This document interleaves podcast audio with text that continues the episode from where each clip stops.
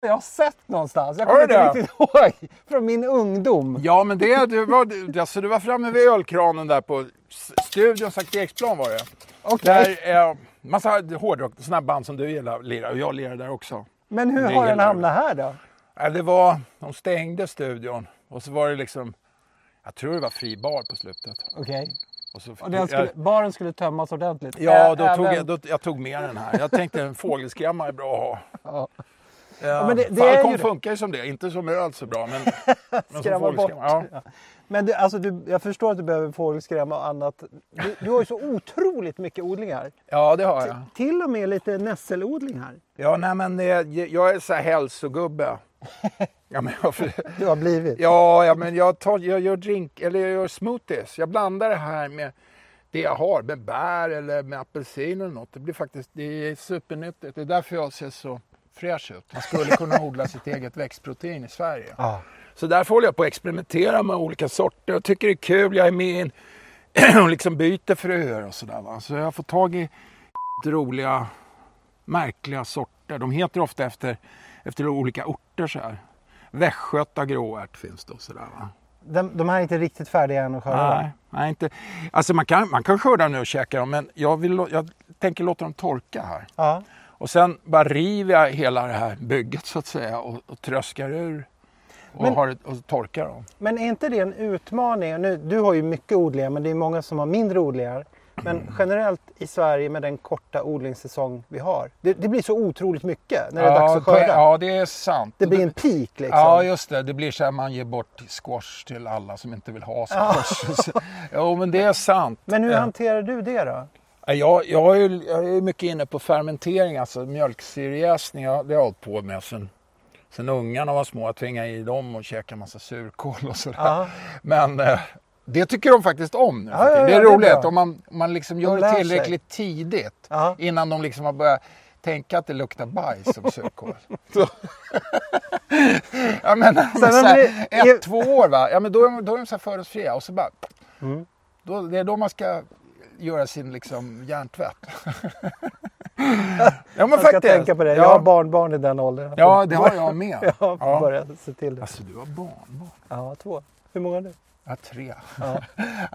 Ja, men jag är lite äldre. Jag har hunnit mer. mer. Jo, men det är, det är ett problem om man odlar själv. Det, Mm. det är, men det är syrning och torkning och en fet frys. Ja. Tycker, det är mina grejer. Den här lådan är, är liksom nypotatis. Det här är potatis som jag drev i, i mjölkkartonger redan i mars. Så de borde vara klara att skörda. Och, jag, och det är jättemycket kompost här ser jag. ja, eller, ja, det här, man kan kalla det kompost. Jag har det som täckning för att, för att slippa vattna så mycket. Ja, ja, ja. Sen i den då så har jag, titta här. I den har du myror. Ja, det här är tyvärr. intressant. Ja, nu, de gjorde en miss alltså när de, ja, massa myrägg här. Så blir det ju också va. Ja, ja. Men, det, oh, men du ser, det är Det- väldigt så här eh, grov jord.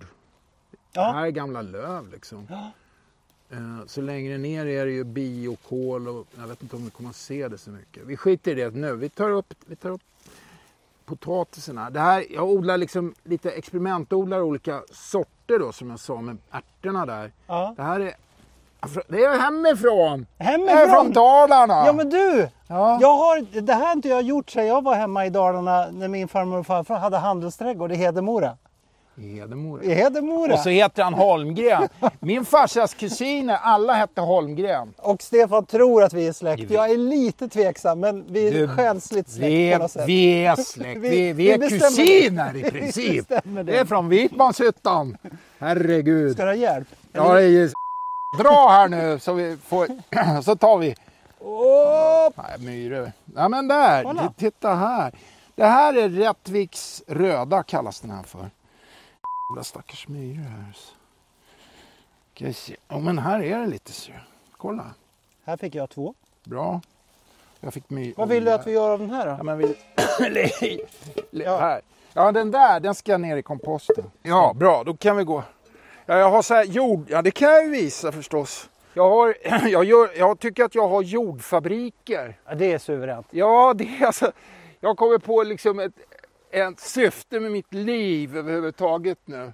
De sista gyllene åren. Det är liksom att jag ska framställa... Jag ska omvandla koldioxid till jord. Det har varit min Det är, det är min grej liksom. Du ska hjälpa fotosyntesen ytterligare ett steg ja, på vägen. Ja, ja precis. Och tillverka matjord av koldioxid helt Ah. enkelt. Suveränt. Så, eh, så då har jag, här har jag gamla så här restaurang... Det här från, från i våras, då är det liksom det är mitt matavfall, bokashi.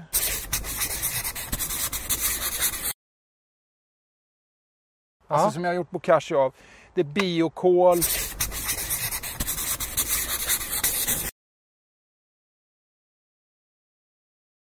Och det är, det är liksom löv och... Men biokolet, gör du det själv eller köper du in det? Jag kan inte göra så jätte... Alltså biokol går åt så jävla mycket. Ja. Jag, har, jag har både köpt och fått. Ja. Man kunde ett tag hämta det faktiskt ute på Högdalens återvinningsstation. Det är jättestabilt. ja, det, det, Stannar det, kvar i hundratals år. Ja, det ser man också faktiskt i min jord. Det händer inget med den. Utan- Nej. Men det, så mättar den med någon koldioxidgrej liksom. Eller med, med, en- vad säger koldioxid? Mm. Med näring. med, med kväve helt Ja. enkelt. Man Eh, kan lägga det i urin till exempel. Ja, det gör jag mycket. Jag står, står och kissar på. Det, är en, en av mina få uppgifter jag har kvar i livet. Det är att stå och pissa på biokol. Och sen, sen tar den här jorden, den här jorden kommer att vara klar i höst. Mm. Och då lägger jag ut den på, på trädgårdsjorden. Ja. Så det här är från, det här är från i våras och kommer att bli klar i höst. Sen har jag en under sommaren vet jag inte riktigt vad jag ska göra av bokashin för alla bäddar är ju fyllda va. Ja. Jag kan inte gräva i dem. Nej. Så då har jag här, det här luktar kanske lite märkligt. Jag vet inte. Är det hit den här ska? Ja, Wow. här, här lägger jag nu växtrester och sådär. Ja, det... Ja men det luktar inte så mycket. Nej, bra. Bra. Bra att du tycker. Så. Vad snäll. Ja, vi behöver helt klart fler miljökämpar som Stefan som med sin ganska helt vanliga trädgård har tagit fram otroliga odlingar som inte bara är eko utan som också gör om koldioxid till jord och binder därmed delar av det som vi släpper ut. Att Stefan har fått Grammis för hållbar artist, det kan jag förstå. Men var kommer hans engagemang ifrån? Bro, ja, det... Har det från Dalarna.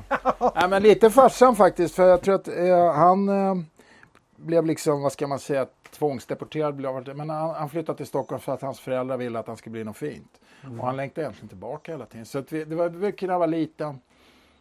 Jag var, fa- jag, farsan tog med mig till Almstriden 1971 när jag var tio år. Wow. Ja, så det, och då blev det någonting också så här när jag såg de där hippierna som låg uppe i, i hängmattor uppe i almarna. Ja. Att, wow. Sån vill jag bli när jag Som blir vi- stor. Ja, verkligen. För att jag höll på att läsa Sagan om ringen då också. Ja. Så då blev det, de där är alver. eh, om man ska skoja om det lite. Men jag tror på något sätt att det är sant också. Men sen blev det, på allvar blev det faktiskt när, fick först, när vi fick vårt första barn. Mm. För det var våren 86. Och precis eh, när hon var en månad gammal så kom Tjernobylkatastrofen. Ja. Och då som barnförälder, du vet så här, eh, jag skruva igen, eh, vi bodde i en lägenhet i Farsta då. Skruva igen liksom ventilations och blev så dammsög barnvagnen. Ja men du vet, så nojiga grejer. Och då började jag intressera mig mycket för, eh, ja framförallt, ja Karin Amma, jag hade inget att göra liksom. Så jag började läsa på om barnmat och sådär. Och blev så här, ja men så liksom. Jag var upptagen av att inte Vanja skulle få i sig någon gifter. Vilket hon givetvis, det är en omöjlig uppgift i den här världen. Tyvärr. Men eh, och då, började, då tänkte jag, jag måste odla själv. Och, och så hamnade vi här ute. jag fick jobb här ute och vi hamnade här liksom. I personalbostad. Och då började jag odla, odla. Och tänka mycket på, och i, faktiskt så sen senare år med odlingen så har jag förstått också att att man med odling faktiskt kan eh, just man kan börja binda ner koldioxid i jorden. Och då, även om det blir en, det blir en väldigt pytteliten insats men det känns i alla fall bra att, att bygga matjord. Precis, alltså jag tror grunden i mycket av de lösningar vi behöver ha Ja. det är ju just att vi ska hjälpa naturen göra sånt som naturen redan kan göra. Exakt. Typ bygga Ja, matjord. det är när man läser om de här lirarna som, som eh, håller på att skissa på någon tratt som ska dra ner koldioxid i, i havsbotten på så är det lägg av nu för det, det, allt är klart. Ja. Vi behöver inte snacka, vi behöver inte vänta på någon uppfinning. Det är bara att bör, börja. Men tror du inte det där beror väldigt mycket på att vissa, eh, framförallt gubbar kanske, ingenjörsmänniskor, Mm. älskar att komma på smarta nya saker och då blir de blinda för att naturen finns redan här och har funnits här. Jag tror Typ det. det år ja, alla det, ja, precis. De borde läsa lite biologi och lära sig om foto, fotosyntes. Ja.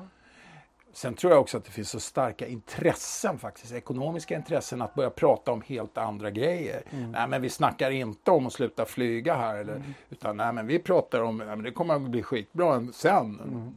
Go on, Mm. Hela shop on. sen. Ja, ibland när man, i debatten om skogen nu så är det så här, ja men vi måste bevara eh, liksom eh, de här få procenten gammelskog. Och då, då blir det framställt som att det är några nördiga eh, liksom, eh, fältbiologer som bara tycker att det är gulligt med gammelskog. Men det handlar, det, det handlar om vår överlevnad.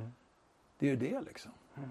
Så egentligen, under allt det här, så för mig finns det ett allvar och en, en Alltså jag måste göra vad jag kan. Precis som Greta liksom. Alltså det, det, här är, det här är ingen lek. Det här är inte på skoj. Ja, det handlar verkligen om vår överlevnad och därför måste det ju bli lättare för var och en av oss att leva mer hållbart. Det är något som är helt säkert.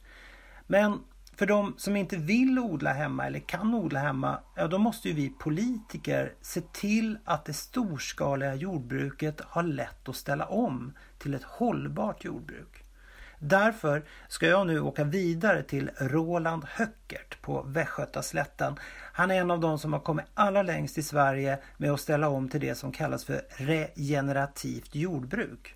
Och varför det är hållbart och vilka utmaningar som finns idag, det ser du i nästa avsnitt. Hoppas vi ses då.